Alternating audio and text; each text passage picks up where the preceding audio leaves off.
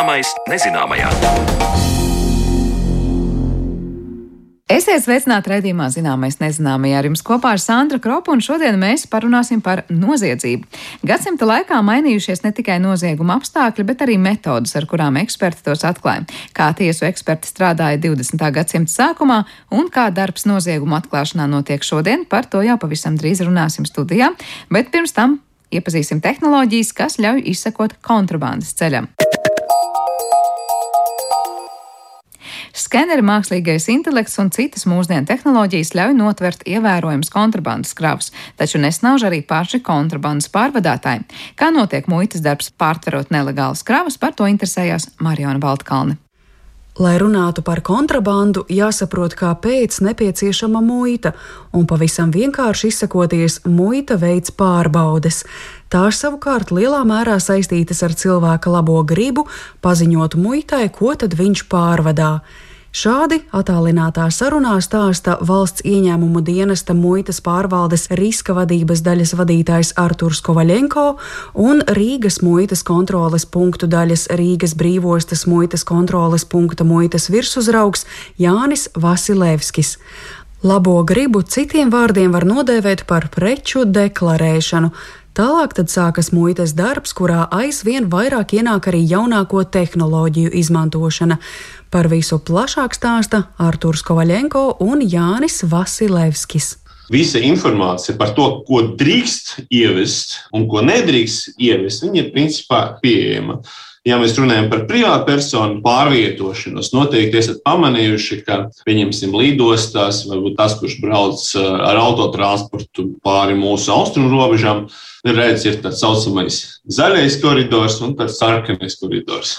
Attiecīgi, ja tu brauc pa zaļo koridoru, tu arī deklarē šādā veidā ka tev līdzi nav nekā nedeklarējama, nav nekā lieka, nav kontrabandas, un tā tālāk. Savukārt, ja tu brauc pa sarkanu, tad attiecīgi tu jau kārto visu nepieciešamo formalitātes.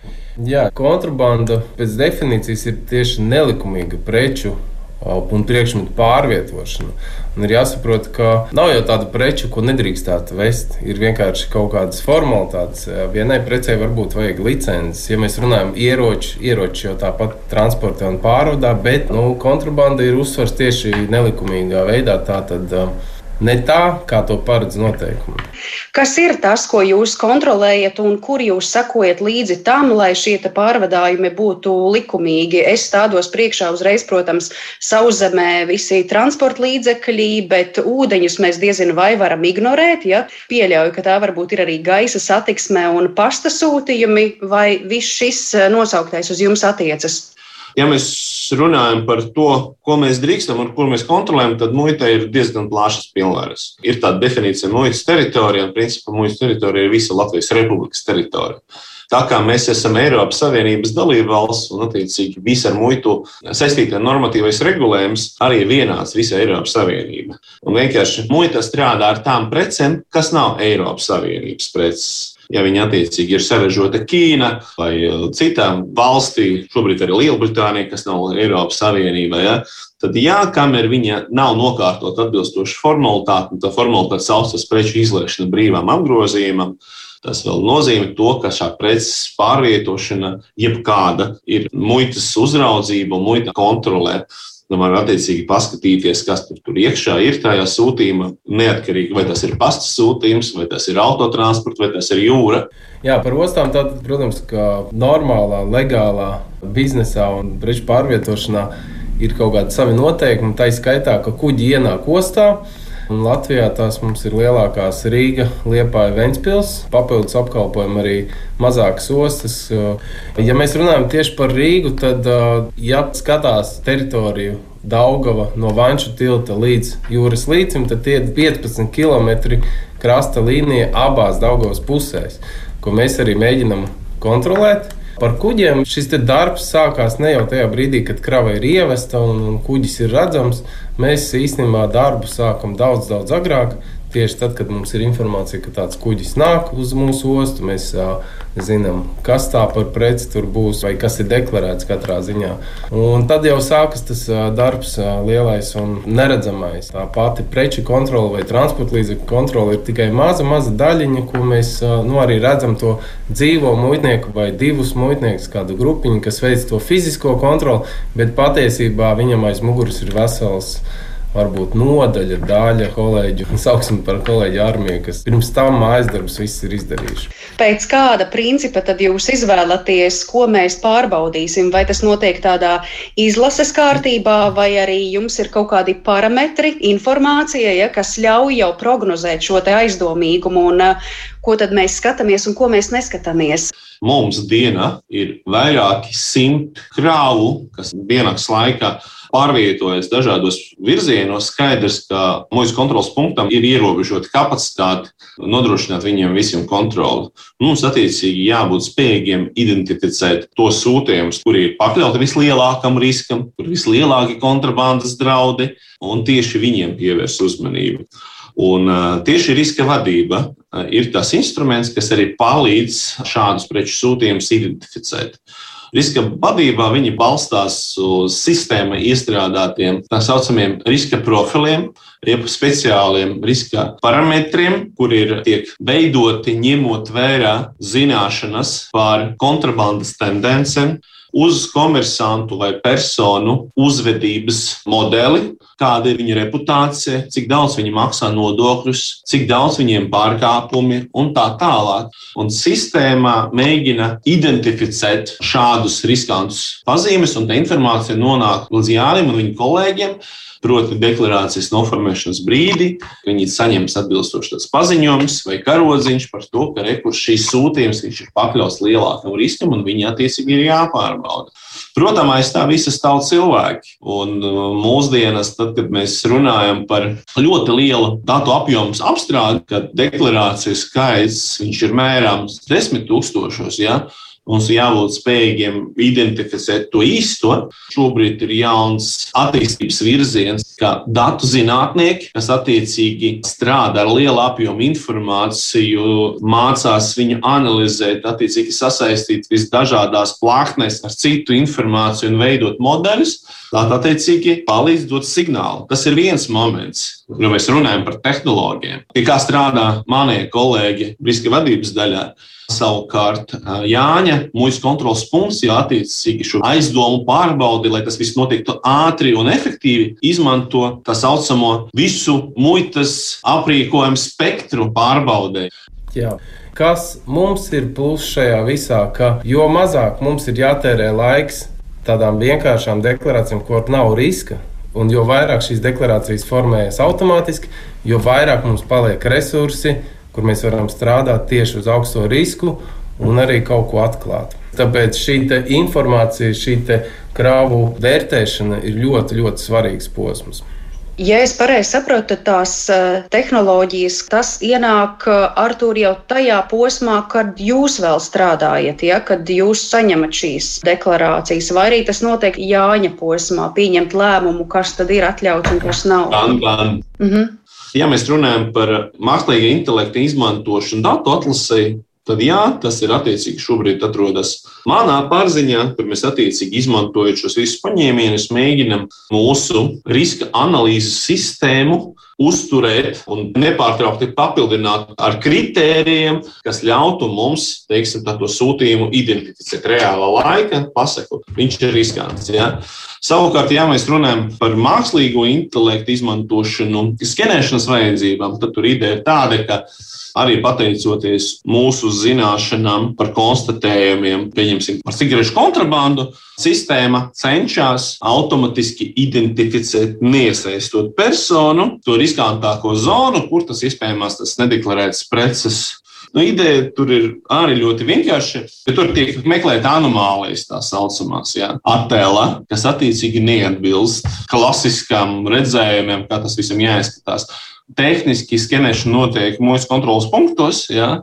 Mani kolēģi attiecīgi nodarbojas ar šo attēlu analīzi. Protams, arī Jāņa kolēģi to var darīt pie kaut kādiem nosacījumiem. Ja. Ja mēs skatāmies jūras transporta kuģim nākot iekšā pirms ienākšanas ostā visticamāk muita jau zinās, kuru kravu mēs skatīsimies, kuru mēs neskatīsimies. Tātad tā ir tā zināšanu bāze. Ir vēl papildus arī citas sistēmas, piemēram, kuģiem ir specifiska kuģu dokumentu sistēma, kurā mēs jau redzam to informāciju, kas ir par šo kravu. Tātad mēs saprotam, ka krava būs interesanta mums, vai mēs kaut ko tur saskatām. Un pateicoties šai profilēšanai, vienkārši tiek izvēlēts pareizais brīdis, kad novirzīt kravu uz kontroli. Bet, kā Arthurs arī teica, arī no personas atkarīgs, vai tur būs augstāks vai zemāks tas risks. Nu, jāsaprot, ka nākot ostā, visticamāk, ka tiešām muita zinās, kuras ir riskantās kravas, un tālāk mēs gaidām attiecīgo īsto brīdi. Bet eh, es pieļauju, ka kaut kādas eh, citas metodas jau arī netiek izslēgtas, vai ne? Nu, es iedomājos, piemēram, vilcieni, kas šķērso robežu. Tur jau tāpat iet eh, muitnieki ar suņiem, tādā veidā tiek konstatētas kontrabandas. Nu, protams, visu šobrīd nevar digitalizēt. Un, attiecīgi, joprojām tiek izmantot citi klasiskie kontrolas pamatprincipi, kad fiziski muitnieks veic intervēšanu vai, attiecīgi, seko līdzi personas uzvedībai. Protams, suns ir viens no labākajiem mūsu sadarbības partneriem, kuru gandrīz nav iespējams apmānīt. Viņš, attiecīgi, ar lielu precizitāti spēj identificēt, vai personai ir pat daudz naudas, vai narkotikas vielas, vai cigaretes kaut kur paslēpts. Jā, Muitas darbs ir balstīts ne tikai mākslīgā intelekta apmācīšanā un kolēģu informācijas apmaiņā, bet arī sadarbībā ar daudzām struktūra vienībām, tostarp dalību starptautiskās operācijās. Viena šāda bijusi Interpola operācija 30 dienas jūrā šī gada pavasarī, kurā valsts ieņēmumu dienesta muitas pārvalda piedalījusies sadarbībā ar valsts vides dienestu un kurā konstatēts nelikumīgs metālūžņu atkritumu sūtījums uz Indiju. Taču, kā noslēgumā min Jānis Vasilevskis, muitas pārbaudes nav vērstas uz to, lai kādam traucētu vai apgrūtinātu dzīvi. Jāsaprot, eh, kāpēc mēs kontrolējam atkritumus. Jo jāskatās jau nu, uz tām sekām, kas rodas, ja mēs aizsūtīsim kaut kur vai saņemsim Latvijā kaut kādu kaudzi ar atkritumiem un izbērsim mežā. Nu, tas nav patīkami. Un tāpat arī ar citām jomām mums bija, nu, kas pilnībā nepieņemami ir liels sūtījums ar rezerves daļām, kur ar neapbruņotu acīs nevarēja pateikt, vai tas ir oriģināls vai nav. Bet uh, te ir jautājums, vai patērētājs tiešām ir gatavs uzlikt sev viltotus bremžu klučus un pēc tam uh, pilnīgā pārliecībā braukt ar šo transporta līdzekli. Visticamāk, ka nē. Un tas ir tas muitas darbs, ka veicot kontroli, it kā mēs radām kaut kādas nērtības varbūt vienai, divām personām, bet tas kopējais, tā misija jau ir daudz augstāka. Ar Marionu Baltkalnu sarunājās muitas pārvaldes riska vadības daļas vadītājs Ārturs Kovaļenko un Rīgas brīvostas muitas virsuzraugs Jānis Vasilevskis, bet turpinājumā pievēršamies noziegumu izpētēji pirms simts gadiem un šodien.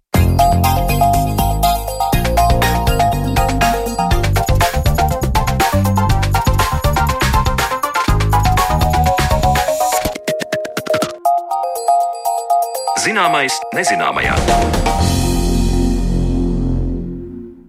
Televīzijas šovi cilvēkiem rada izpratni par pierādījumu vākšanu un izpēti noziegumu atrisināšanā mūsdienās, bet cik ļoti tas atbilst realitātei un kāda bija tiesu ekspertīžu speciālisti ikdiena pirms simts gadiem, kāds bija darbs laboratorijā laikā, kad tehniskais nodrošinājums un zināšanas bija krietni citādāks nekā mūsdienās. Par to visu mēs šodien runāsim atlikušajā raidījuma pusstundā, kad pie mums viesojas eh, valsts tiesu ekspertīžu biroja vadītāja Māra Čenturītska. Labdien! Labdien! Māra, mums laikam ir tāds īsts iemesls atskatīties simtgades vēsturē un paskatīties, kādas ir bijušas eh, nu, izmeklētāji, var teikt, metodas un iespējas cilvēkam, kas skatās, kurā brīdī un kā ir noticis noziegums. Tad uh, metodas ir mainījušās, eh, tehnoloģiskais nodrošinājums arī. Kas ir palicis? Uh, jā, nu, principā mēs esam uh, izmeklētāju metode. Tas ir metode, kā iegūt pierādījumu. Bet, ja mēs runājam par tiem simts gadiem, tad man jāsaka, ka 10. oktobrī nebūs uh, simts gadu svinības tikai valsts tiesas ekspertīžu birojam. Jo, principā, ar ministru kabineta lēmumu 1921. gada 10. oktobrī tika dibināts valstī tiesu ekspertīzes institūts. Un tāpēc es gribētu sveikt visus esošos, bijušos un topošos tiesu ekspertus šajos svētkos. Jo, uh, ja mēs gribam runāt tieši par biroju, tad uh, laikam tā joku diena 1. aprīlis 1923. gadā, kad iecēla institūta direktoru, varētu uzskatīt, ka šī diena ir tā, kad sāka strādāt valsties ekspertīžu birojas tajā laikā Zinātniski pētnieciskais institūts. Jo 21. gadā, kad pieņēma šo lēmumu, lēmums bija, institūts bija, bet nebija nekā, nebija ne ekspertu, ne aparatūras. Tāpēc valdība domāja, nu kā tas ir institūts, nu labāk te pārsauksim par kabinetu. Tad viņu pārsauc par kabinetu, viņš atradās uh, Rīgas apgabala tiesā blakus tiesnešiem, jo ekspertīzes loma ir nodrošināt pierādījumus. Un pierādījumi ir vajadzīgi, lai varētu uzturēt apsūdzību, lai varētu taisīt spriedumu. Jo uz subjektīviem nekādiem spriedumiem mēs spriedumu taisīt nevaram. Eh, kas attiecās uz metodēm, nu, metodas jau principā palikušas tās pašas. Galvenais ir tas, ka mums ir jauni tehniskie līdzekļi. Tas, ko kādreiz eksperts darīja veselu nedēļu, lai dabūtu vienu pēdu ārā, šodien mēs izdarām dažu stundu laikā. Bet tas ir kaut kāda konkrēta, es nezinu, vielas, kas nāk palīdzēt, palīgā, vai tā ir kaut kāda, nezinu, mākslīgais intelekts analizē virkni fotografiju vai vēl kaut kādu nospiedumu un pasaka, kam tas pieder viss. Ar mākslīgo intelektu mēs vēl nedraudzējamies. Tas ir vēl nākošā simtgades jautājums. Bet, protams, ir vielas un ir tehnikas. Eh, ja mēs runājam par vielām, es jau kādreiz esmu stāstījusi, eh, vielas radās pilnīgi nejauši. Armijā, Amerikas armijā cilvēks eh, līmējis ir kaut kādu tur ierīci, un atstājas līmi vaļā. Viņš atnāk otrā dienā uz savu kabinetu, skatās, viss kabinets nopleķots ar baltiem pleķīšiem un baltajos pleķīšos ir līnijas. Kas tās ir pa līnijām? Tās ir pirkstu pēdas, tās ir netīrās sienas, netīrie galdi, kas ir šajā armijā. Un šī līme uzklājās uz papīra līnijām, un visas pēdas mums ir redzamas. Tā kā nu, mūsu darbs ir padarīt neredzamo redzamu. Un tas ir eh, pie jebkuras ekspertīzes, ja, jo mums atnes nezināmu vielu, mums prasa, kas tā ir pa vielu mēs sākam analizēt eh, šo vielu, un ir metodas, kas sašaurina šo loku tik tālu, ka mēs jau varam sākt runāt par kaut kādu konkrētu vielu. Eh, tas pats ir ar jebkurām pēdām. Ja? Pēda jau parasti ir neredzama. Ja viņi ir redzama, tad mēs priecājamies un vienkārši taisam tikai identifikāciju, lai saprastu, kas to pēdu ir atstājis. Bet, ja viņi neredzam, tad dabīgi, ka tas darbs jāiegūt daudz vairāk. Bet tehnika mums palīdz. Bet neredzam, tāpēc, ka noziedznieks ir nu, centies visiem spēkiem slēpt tās savas pēdas. Ja? Tas, var teikt, viņam līdz galam nav izdevies vai kā? Nē, es domāju, ka viņš vienkārši neiedomājās par to. Jo darot šo melno darbu, vienmēr ir laika trūkums. Ja, mēs, cilvēks var izplānot visu perfekti, bet tad, kad viņš dara kaut ko sliktu, un viņš zina, ka viņš dara kaut ko sliktu, un viņš var tikt pieķerts, tad ir laika trūkums. Un šajā laika trūkumā viņš grib realizēt to mērķi, kas viņam ir jādara. Nevis par to, vai man šeit paliks pēda vai nē. Par to viņi domā, tad, kad ir mērķis realizēts, ja vēl palicis laiks, ah, tad paslēpsim pēdas, ja, tad sagrūdīsim visādas ķimikālijas virsū, lai neviens neko nevar atrast. Ja. Bet, nu, kā es saku, vienmēr jau paliek pēdas, ja ne jau visur to ķimikāliju uzlēji.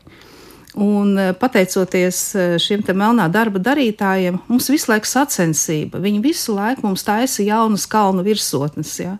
Un tad ir ļoti liels prieks, ka mēs viņu esam kaut kur apsteiguši. Viņš ir kaut ko izdarījis, mums ir kaut kas jāklāj. Ā, mums šeit jau ir metode, te jau mēs zinām visu. Ja. Dabīgi tad mums ir ļoti liels prieks, ja, bet principā tā ir vienmēr sacensība.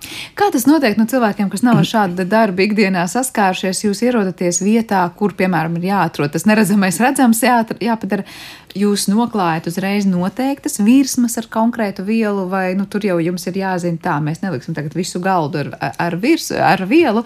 Mums ir jāzina, kurā vietā jāmeklē tās pēdas. Nu jā, nu, principā šo darbiņu dara policijas darbinieki. Ir tie saucamie notikuma vietas apskats uh, oficieri, kas to darbu dara. Un, lai šo darbu darītu, es pat viņu esmu darījis ilgus gadus policijā. lai šo darbu darītu, ir jāzina situācija, kas šeit ir noticis, kas šeit ir mainījies, un jārestaurē iespējamā cilvēku pārvietošanās telpā vai tajā laukumā, ko mēs pētām. Uh, Mēs nekad neaizraujamies, un es domāju, arī policija neaizraujās ar smērēšanu un pulverizēšanu. Labāk ir tas, ko mēs varam paņemt līdzi. Mēs paņemam uz laboratoriju līdzi, jo ir dažādas metodas, kas eh, izslēdz nākošās metodas pielietošanu. Ja? Tātad mums vajag laboratorijā apskatīt šo priekšmetu un saprast, ar ko mēs sāksim, lai mēs neiznīcinātu citas pēdas. Ja? Jo, piemēram, uz tā paša galda mums ir gan pirksti, gan DNS, gan šķiedra. Te var būt ļoti daudz kas, ja? un jāsaprot, ko mēs meklējam, kāpēc mēs meklējam, ko mēs gribam pierādīt. Bet tas jau ir jāsaprot pašā, pašā sākumā, kad varbūt vēl nav īsti skaidrs, kurš kādos apstākļos to konkrēto noziegumu ir izdarījis. Nu, tas būtu ideāli. Tas būtu ideāli, ja tas tā var, būtu iespējams, bet eh, parasti ir tā, ka mēs strādājam tām pēdām, kas eh, pazūd. Ja, jo nu, ir pēdas, kas mums vienkārši izgaist, ja, kas izskalst un, un tā. Līdz ar to Mēs uh, paņemam tās pēdas, ko mēs varam paņemt.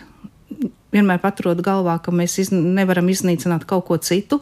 Un tad, kad notiek izmeklēšana un ir kaut kāds pavadiens, un izmeklētājs atnāk un saka, te vajadzētu būt vēl kaut kādām pēdām, mēs izņēmām apģērbu, varbūt tur bija šķiedras. Mēs paņemam augšā, paskatāmies, jā, mēs esam izņēmuši šķiedras. Jā. Tātad mēs varam papētīt šķiedras. Nu, tā kā nav ideāla notikuma. Jā. Dabīgi, ka viss sākās tikai, saka, tādām uz labu laimi. Jums līdzi ir paņemti tādi pirkstu nospieduma attēli, var teikt, ar tādu, var teikt, vēsturisku skatu. Nevelti mēs runājam par tiem simts gadiem, kas kā un mainījies. Un tāpat laikā jums ir arī līdzi bildes, kurās redzēt mūsdienu pirkstu nospiedumu nu, attēlus. Mm -hmm. Kā to analizēt? Varbūt jūs varat ilustrēt klausītājiem, kas neredz šobrīd tos piemērus, kas ir tas atšķirīgais. Jo no vienas puses, gan vienā, gan otrā gadījumā mēs varam redzēt, nu jā, attēlus ar ļoti izteiktām nu, pirkstu nospiedumu līnijām. Man personīgi liekas, ka tie mūsdienu vienkārši ir labāku izšķirtspēju. Varbūt es nezinu, bet varbūt man tikai tā liekas, kas ir tas atšķirīgais. Nu, atšķirīgais ir tas, ka 30. gada fototabula ir iegūta ar uh, parasto fototehniku, jā, tā tad atceramies filmiņas, jā, atceramies fotoaparātus. Atceramies tos gadījumus, ka mēs fotografējām, bet izrādījās, ka gaismas pietrūka, ja, un mēs esam pēdu pazaudējuši. Otrs ir digitālais attēls. Jā, digitālais attēls ir daudz, kā jūs jau teicāt, ar lielāku izšķirtspēju, bet, lai mēs identificētu cilvēku, metode palikusi tā pati. Proti, ir bijis tā, ka tā fotografija arī 30 gadi ir, ir, iegūta tad, kad pieņems, nezinu, tas būtu galvas, piemēram, mm -hmm. ja, uz kura ir atstāts pirkstu nospiedums, ir uzsmērēta tā jau minētā viela, un tad vienkārši ļoti tuvu fotografēts tas un tad, jā, un tad viņš tiek fotografēts. Fotoattēlu gatavo viens pret vienu un viens pret trīs, lai varētu šeit viens pret trīs, lai varētu redzēt, kur ir tās detaļas. Ja? Jo katra detaļa, mēs, ja paskatāmies savus pirkstiņus, mēs redzam līnijas, bet mēs neredzam tās detaļas, mēs neredzam, kur ir punkti punktiņi, kur ir saliņas. Ja? Tas ir ļoti, ļoti sīka detaļa. Līdz ar to mēs šo bildi palielinām. Šeit digitāli dabīgi, ka tas ir daudz ātrāks process. Mēs ātrāk visu to dabūjam gatavu. Ātrāk dabūjam gatavu arī pēdu. Ja mēs e, šeit skatāmies fototabulā, es domāju, ka šeit ir ar pulveri šī pēda atrasta. Pēda ir ļoti laba. Man prieks, ja tādas pēdas mūsdienās būtu. Ja? Bet tā kā mūsdienās arī tas e, cilvēku pārvietošanās un dzīves ātrums ir cits, tad arī pēdas ir sliktākas. Ja? Mēs nepaliekam nekur ilgu laiku uz vietas, mēs skrienam un līdz ar to mēs visu izsmērējam. Un arī šī attēlā ir izsmērēta pēda, kurā es domāju, ar iepriekšējo fototehniku diez, diez vai mēs konstatētu šo mazo gabaliņu, kur varētu teikt, e, veikt identifikāciju. Eh, dabīgi, ka pirkstu, pēdu, pirkstu nospiedumu paņemšanas tehnika palikusi tā pati. Jā, mēs šodien varam lietot bez tintes nospiedumus, tad, kad uh, rokas paliek tīras un uz papīra tikai atainojās papilāra līnijas. Ja. Uh, protams, viss vis tiek uzlabots un viss tiek virzīts uz to, lai būtu ātrāk un kvalitatīvāk. Uh, Nu, teiksim, mēs jau šodien runājam, ja kādreiz mēs runājam tikai par to, vai dokuments ir viltots, tad šodien mēs jau runājam, kad dokuments ir parakstīts, ja? kad dokuments ir izgatavots. Un es esmu ļoti lepna ar saviem kolēģiem un ar pēdējiem testa rezultātiem Eiropā, ka mēs esam šo uzdevumu veikuši. Es domāju, ka nu, burtiski tuvākajā laikā mēs eh, teiksim visiem, ka mēs varam pateikt dokumentu izgatavošanas vecumu. Jo tas ir ļoti svarīgi gan finanšu noziegumos, gan civil prasībās. Ja. Mm, ļoti, es domāju, ka arī televīzijā ir gadījumi par testamentiem, ja, kuri ir parakstīti it kā 60. gadā vai 70. gadā, bet īstenībā vakar vai aizvakar īsi pirms nāves. Ja. To Bet, jūs pateikt. to varat pateikt pēc paraksta vienkārši analīzes, vai kā? Kā jūs varat parakstīt papīru, tagad pateikt, kas ir parakstīts vakar vai pirms? Pēc no... rakstām materiāla, pēc iz, izanalizējot rakstām materiālu vecumu cik ilgi viņš tajā papīrā ir atradies. Un to ar kaut kādām ķīmiskām vielām atkal var izdarīt, vai es nezinu, kā, kā jūs to varat noteikt, kurā brīdī. Jā, tur ir. Es nezinu, cik daudz jūs drīkst stāstīt, protams. tur ir ķīmiskās metodas. Es pats, pati esmu jurists, tā kā es negribētu baigi iedziļināties tajās ķīmiskajās metodēs, jo es varu sajaukt divas ļoti svarīgas vielas, un tad man viss teiks, nu, māja, ko tu tur runā. Bet uh, idejas, ka tās ir ķīmiskās vielas, kas var pateikt, nu, cik tā ir. Tas ir rakstām materiāla analīze. Mēs paņemam gabaliņu rakstām materiālu. Mūsu gudrie aparāti, bet tas nav uh, intelekts mākslīgais, gudrie aparāti izdod ārā visādas chromatogrammas, pieņemsim. Ja. Bet tas būs papīra vecums vai tintes kaut? Tintes, vecums. tintes vecums. Tas ir tintes vecums. Tintes rakstām materiāla vecums. Uh, Un e, tad, skatoties e, šīs diagrammas, eksperts ar savu intelektu arī nolasa, kad tas e, paraksts ir tapis. Es zinu, ka mums pirms daudziem gadiem citos raidījumos esat stāstījuši par to, ka jūs eksperts pilnīgi noteikti pēc tāda paraksta, kas ir tāds, nu, liekas, nu, kas tur nu, tā, tādas mm -hmm. svītriņas, jūs tiešām spēsiet atšifrēt, vai tas ir tas īstais cilvēks, kas to parakstu ir uzlicis. Nu, ar parakstiem ir tā, Sevišķi tagad, eh, kad notiek vis visādas lietas, saku, jo jums sarežģītāks paraksts, jūs, jo jūs esat vairāk aizsargāti. Jo šobrīd jau parakstu pat vairāk neatdarina. Viņu vienkārši tehniski uzliek. Ja? Un tad ir tādi biznesa pārstāvi, kas savu parakstu, lai ekonomētu savas rokas kustības un eh, kaulu eh, nodilšanu, viņi pasūta savu parakstu. Ja? Tā, tā, tā kā zīmodziņš mm -hmm. ir paraksts nu tad, mīļie cilvēki, nebrīnieties, ka jūsu zīmodziņš būs uz visiem visneiedomājamākajiem papīriem, ja? jo tur nu gan eksperts neko nevarēs pateikt. Viņš pateiks, jā, tas ir jūsu paraksts, bet jūs pats viņu izmantojat kā zīmogu. Tā kā parakstiet lūdzu dokumentus dzīvajā tad mēs varēsim kaut ko risināt. Jā, patiesībā diezgan eh, nepateicīga situācija. Ja cilvēkam, kurš izmanto tiešām savu parakstu, bet zīmogu ir izmantojis kāds cits. Mm -hmm. Kas šobrīd ir tādas varbūt visgrūtāk tiesu ekspertam nu, saprotamās, pieķeramās, nosakāmās lietas? Nu, piemēram, jūs tikko teicāt, piemērs par šo zīmogu arī ir viens no, ka ja visus gadus jūs varat perfekti analizēt, vai roku kustība ir īstam cilvēkam, tikko kā to izdara kā saka, zīmogs. Tur jūsu zināšanas neko daudz nevar līdzēt. Zīmogs ir zīmogs. Vai vēl ir citi piemēri, kur varam teikt, jūs šobrīd ar tehnoloģiju vai citu kādu, nezinu, klātbūtni saskaraties, kas apgrūtina jūsu darbu? Nu, apgrūtinājumi nāk uz katra soļa. Nepavēlt mums ir ļoti tādi intelektu bagāti cilvēki, kas dara melnus darbus. Uh, tas ir uh, IT tehnoloģijas, ja, jo nu, tās mainās. Man nav jāstāsta, cik ātri. Uh, un e, tas tiešām sagādā problēmas. To, ko mēs esam risinājuši, un es domāju, ka vairāk nesagādās problēmas, tas ir, mēs varēsim runāt par necilvēku DNS. Tas nav tā, ka tas ir slikts cilvēks. Nē, es runāju par augu un dzīvnieku DNS. Kāpēc mums tas ir vajadzīgs? Mums ir ļoti liela uh, tabakas kontrabanda, mums ir ļoti lielas uh, šīs kaņepļu lietas. Ja? Un, lai mēs varētu pateikt eh, izcelsmes avotu, mēs lienam iekšā tajā augā dziļāk. Tieši tāpat kā cilvēkā, jo arī augam ir DNS. Un tagad tikko beidzās eh, šī mēneša beigās beigsies projekts, kurā mēs esam iegādājušies šo DNS eh, laboratoriju. Mums ir apmācīti cilvēki, ļoti gudras meitenes. Man liekas, ka viņas jau no attāluma var nosaukt vārdu, uzvārdu katrai kaņepei un tabakai. Uh, tā kā es domāju, ka šeit arī būs diezgan liels eh, grūdienis uz, uz, uz, uz šo kontrabandas apkarošanu, lai mēs pateiktu, no kuras vietas viss tā padarīšana nāk. Ja, vai tas ir no dažādām, eh, dažādiem laukiem, dažādiem reģioniem, vai tas ir no viena izcelsmes avota. Ja. Mm, līdz ar to šīs lietas varbūt var kaut kādā veidā apkopot. Mēs nonākam tuvāk jau tam uh, Eh, krimināla pirmsākumam, ja nevis tikai rezultātu, ja, kad mēs esam konstatējuši, ka tas ir eh, nelegāls eh, ievedums vai nelegāla viela, bet jau mēs ejam uz no kurienes. No kurienes jā. Jā. Kā ar to sociālo vidi? Jūs stāstījāt par atstātajām pirkstu pēdām, daudz ko citu. Vai šobrīd tiesu ekspertam ir noderīgi skatīties ar ļoti, es nezinu, kādā veidā uztrenētu aci, dažādas fotogrāfijas vai ierakstus, kas ir mūsu sociālajos tīklos atstāt, un pēc tā rekonstruēt un atrast varbūt pat cilvēku atrašanās vietu vai eh, identificēt noziedznieku. Cik lielā mērā tas ienāk jūsu dienas kārtībā? Nu, tas it kā nav mūsu lauciņš. To dara citas jomas eh, cilvēki, tas ir policijas kompetence, un es domāju, ka viņi to arī izmantoja. Jo pagājušajā gadā bija piemēram projekts, kurā bija iesaistīts diezgan daudz Eiropas valsts par sejas atpazīšanas iespējām un cilvēku meklēšanu pēc sejas uh, attēla.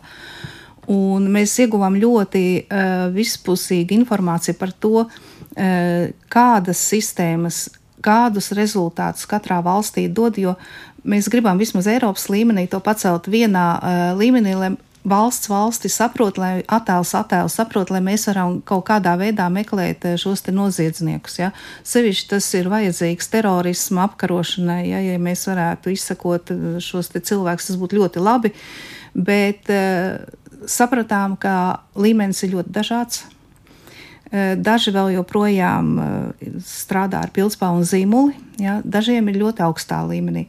Un šeit ir vēl viena lieta, tā ir datu aizsardzība. Un šī datu aizsardzība ļoti bieži bremzē eh, it kā vienkāršas izsakošanas iespējas. Ja? Jo mēs nevaram pateikt, ka mēs izsakojam noziedznieku. Nē, jo viņš nav noziedznieks, viņš ir vienkārši cilvēks. Jo noziedznieks būs tad, kad tas tiks pierādīts. Ja? Līdz ar to ieslēdzās šī datu aizsardzība, un tas viss atkal tiek bremzēts. Mums ir jādomā, kādā veidā to likumīgā ceļā izdarīt. Ja? Tā kā nu, vienmēr pastāv runga ar diviem galiem. No vienas puses, jā, ok, tas būs baigi labi, ļoti ātri visu izdarīsim, bet no otras puses, te ir cilvēktiesību pārkāpums, te ir datu aizsardzība, un tas viss atkal noliek uz zemes un domājam tālāk. Jā.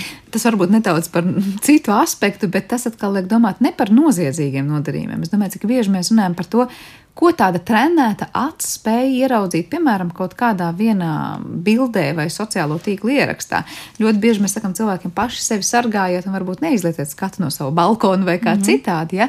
Cik lielā mērā tas ir tāds 21. gadsimta nu, papildus rīks, kas var iegūt informāciju vai noskaidrot cilvēku identitāti vai kādu atrašanās vietu?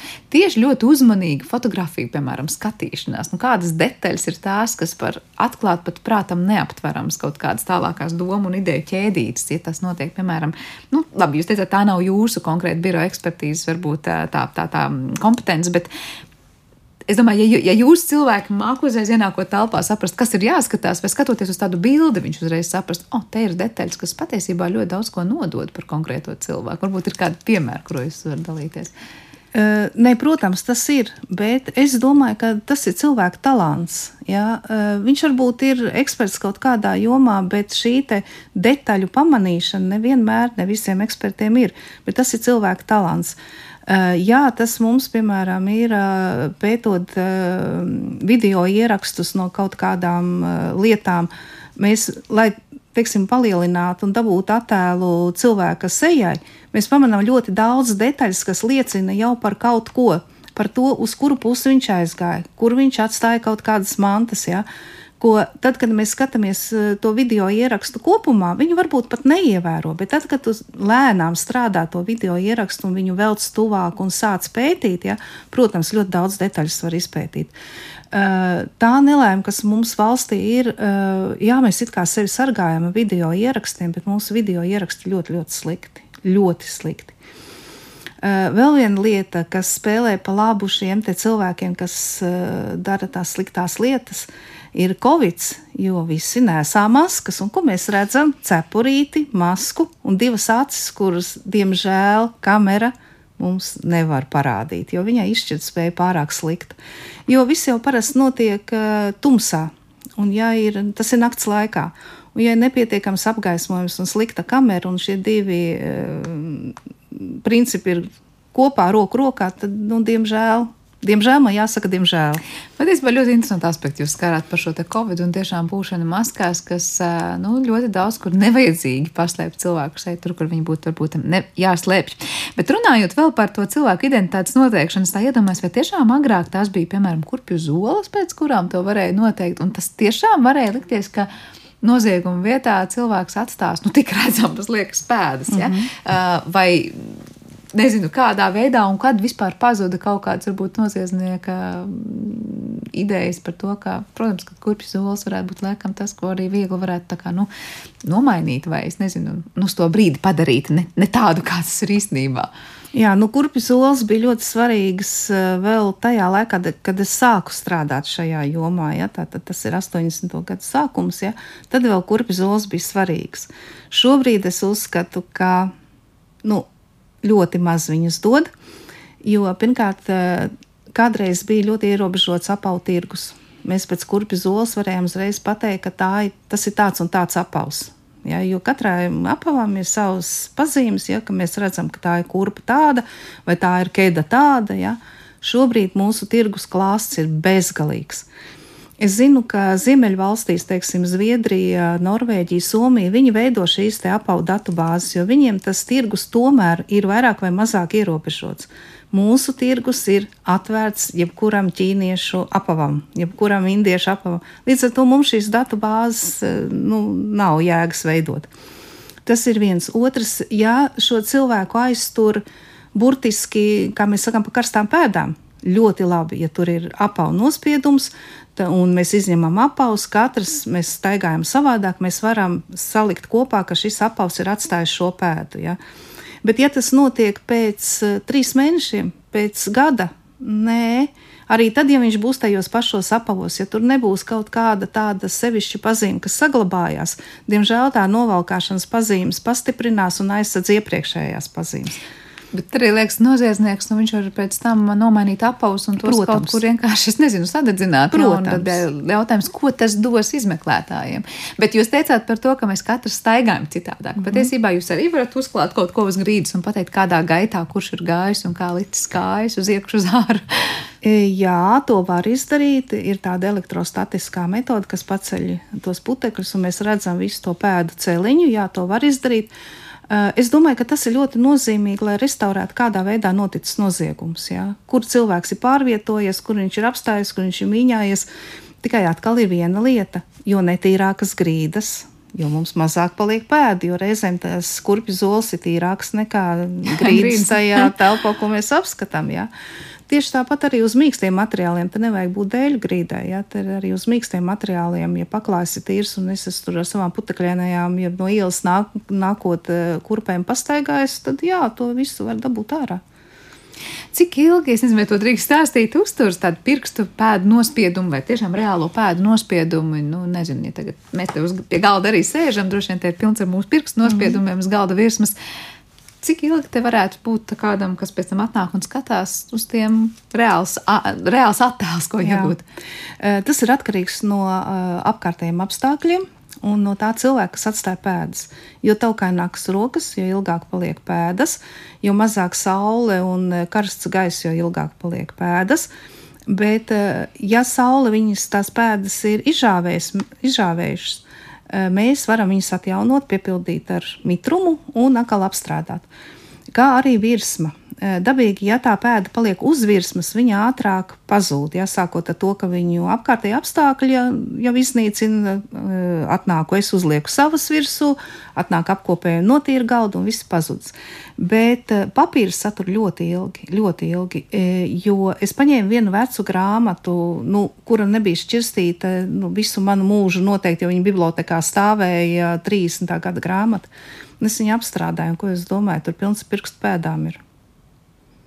Nu, no 30. gada tev nebija aizticis ne. neviens. Tātad no 30. gada pirms... Nē, nu, 30 gadus viņi à, nebija aizticis. Jā, jā. jā. Mm -hmm. Jo tad, kad mēs tīrījām to biblioteku, es atradu šo te grāmatu un es sapratu, pirmkārt, vācu valodas zinātāji mums uh, birojā ir viens, divi un vairāk nav. Un es to zinātājus aptaujāju, un tā bija tāda grāmata, kur nu, eksperts neņems. Ja? Tā tad es uzskatu, ka kopš es to biblioteku zinu, tā grāmata nav aiztikta. Viņa pilna pirkstpēdām. Papīrā tad vienkārši mēs to nevaram arī no tā tik viegli to notīrīt. Mm -hmm. jā, jo viņš iesūcās iekšā. Uzreiz, jā. Un tad uh, ir ķimikālijas, kuras reaģēja savukārt ar tām vielām, kas izstrādājās, no, iznāk ārā no pirkstu pēda, pēdas un, un, un iekrāsojās. Un mums ir lilā un rozā un visādās krāsās. Jā, tiešām padarat eh, redzamu to neredzamu, šķietamo neredzamo, kas ir mums daudz mums apkārt. Vai ir tādas noziegumas, nezinu, vietas, kas ir eh, pateicīgākas un mazāk pateicīgas tiesu ekspertiem, lai tur ievāktu tos visus neredzamos nospiedumus vai kādas citas? Es iedomājos, nu, automašīna arī ļoti bieži droši vien ir kā tāds nu, noziegumu vieta vai objekts, vai kā lai to pareizāk saka. Vai tas ir kaut kas daudz sarežģītāk nekā ierasties kādā konkrētā vietā, kur viss ir noticis, viss ir statisks un palicis? Nu, protams, ja mēs ierodamies uh, telpā, kur vakar ir iztīrīta un šodien noticis noziegums, nu, tas ir perfekti. Jā, tur, viss, tur mēs dabūsim ļoti daudz. Ja mēs paņemam nu, mašīnu un strādājam ar mašīnu, kurā ir nezinu, 20 gadi katru dienu lietota, jā, grūti būs. Jā, mēs dabūsim nenormāli daudz pēdas, tikai jautājums, vai šīs pēdas ir attiecināmas uz to notikumu, ko mēs izpētam. Uh, brīvā dabā, ja ir laika apstākļi perfekti, saulīt spīd, lietas nelīs, sniegs nav, ļoti labi. Ja mums ir šie nokrišņi, jā, mēs raudam, jo mums viss ir aizsākts. Bet runājot teiksim, par pēdām, eh, angļiem eh, ir pētījums un publikācija par to, ka viņi no temzas izvilka līķi eh, maisā polietilēnu. Un, lai cik tas dīvaini nebūtu, polietilēna maisā atrada pēdu jo temzā ūdens lejā ir augsts, tad šī pēda neaizskalojas. Acīm redzot, tam cilvēkam bijis ļoti taukainas tās rokas, ja, un ir metode, kas ir ļoti, ļoti tāda jūtīga, ja viņš ja, spēj arī vecas pēdas izvilkt uz gludām virsmām. Mums ar tāda metode ir un tiešām ļoti labi strādā. Ja. Vai ir kaut kādas lietas, un ko jūs teicāt līdzīgi par tām kurprizolēm, nu, kur īsti jau vairs tādām datubāzēm varbūt pat nav lielas nozīmes, kas šobrīd ir zaudējušas jau vēl tādas savas, nu, nezinu, aktualitāti, vai kas jums var teikt, jūs iegūstat informāciju, kas īsti vairs neko daudz nedod, bet savulaik pirms 100 vai 50 gadiem tas jūsu kolēģiem bija varbūt, nu, kaut kas pie kā turēties. Nu, es domāju, te var runāt arī par šķiedrām. Ja, jo, ja kādreiz valkāja vairāk um, kokvilnas apģērbs, kam bija tomēr tās šķiedras dažādas, uh, tad šobrīd mēs visi staigājam džinsos, un džinsi no džinsiem, nu, jā, nu, krāsojums vispārējais, protams, mēs pētām, un mēs varam to atrast, ja, bet uh, viena veida krāsojumi, vienas veida džinsi tomēr daudz vairāk cilvēkiem, ja. Uh, šķiedra, nu, jā, bet. Uh, Nu, kā atbalsta funkcija, protams, katra pēda. Var runāt par augsni. Augsne Latvijā ir ļoti vienveidīga. Jā, tā kā ja mēs augsni pētām, mēs šobrīd pētām arī uh, putekšņus un tehniskos piemaisījumus, jā, jā, tas mums dod diezgan lielu atbalstu. Bet, ja mums tikai būtu plikā augsne jāpēta, tad, diemžēl, uh, nu, tā augsne tāda, kāda viņa ir, tāda mums ir. Jā, jūrmā, protams, atšķirsies no iekšzemes, jā, bet nu, ne vairāk. Bet jūs teicāt putekšņus un tehniskos piemaisījumus, kuros gadījumos tas būtu derīga informācija? Nu, kādu noziegumu jāizmeklē, lai skatītos putekšņu piemaisījumus? Um, Teiksim, mēs atrodam mašīnu, mēs ne policija atrod mašīnu, atved šo te mašīnu mums, mēs e, izņemam ārā augsni. Viņi paņēmuši no nozieguma vietas, vai tā ir zācība, vai tā ir slepkavība, nav nozīmes. No nozieguma vietas paraugus, kāda augsne tur. Mēs salīdzinām, vai tajās riepās ir šādi putekšņi, ir šādi tehniskie piemaisījumi, tādi kā ir tajā e, augstnē no notikuma vietas. Līdz ar to mēs varam sasiet iespējami izmantot to mašīnu, kurai ir saimnieks šajā te nozieguma vietā. Tāda gadījuma ir, bet, nu, diemžēl man jāsaka, jā, augstnes ekspertīzes ļoti, ļoti retas. Jā. Noslēdzot mūsu sarunu, jūs teicāt pašā sākumā, nu, tad, kad cilvēks pastrādā to noziegumu, vai precīzāk, nu, dara kaut ko sliktu, labi zinot, ka tas ir slikti, viņš steidzās, jā, un maksimāli ātri to dara. Vai jūs, prāt, jūs varat, es nezinu, cik tālu jūsu, teikt, nu, atļauj jums runāt šīs, te, protams, specifiskās zināšanas, kurā brīdī cilvēki visvairāk nokļūdās, ka viņi varbūt aiz neuzmanības vai kaut kā citai sevis atstāja vairāk pēdu nekā viņi pat domā, ka viņi atstāja. Kas ir tie nezinu, klupšanas akmeņi vai iemest, vai dažkārt būtu, nezinu, filmā noskatīt scenāriju, ko cilvēki mēģina īstenot dzīvē, kas beig beigās strādā vai nestrādā. Nu, šis jautājums laikam būs priekš manis pa grūtu. Te vajadzētu varbūt eh, kādam psiholoģiskam pētījumam būt, ja? bet es domāju, ka jo, kā lai saka, darba stāsts šajā te melnajā darbā ir mazāks, jo vairāk pieļauj kļūdu. Un vēl ko es gribētu teikt, ka tiem, kam tas darba stāsts melnajā darbā ir ļoti liels, viņš ir par sevi tik pārliecināts, ja, ka viņam jau liekas, nu, nu atradīs tāpat neatradīs mani. Ja. Līdz ar to eh, vai nu pašpārliecinātība vai nedrošība. Un šīs, manā uzskatā, šie ir tie divi komponenti, kas uh, parasti kaut ko atstāja ekspertiem. Ekspertiem atstāja tā, lai var teikt, soli pa solim virpinātu tālāk šo Jā. visu stāstu un dažkārt tiešām visneiedomājamākās lietas saliekot kopā.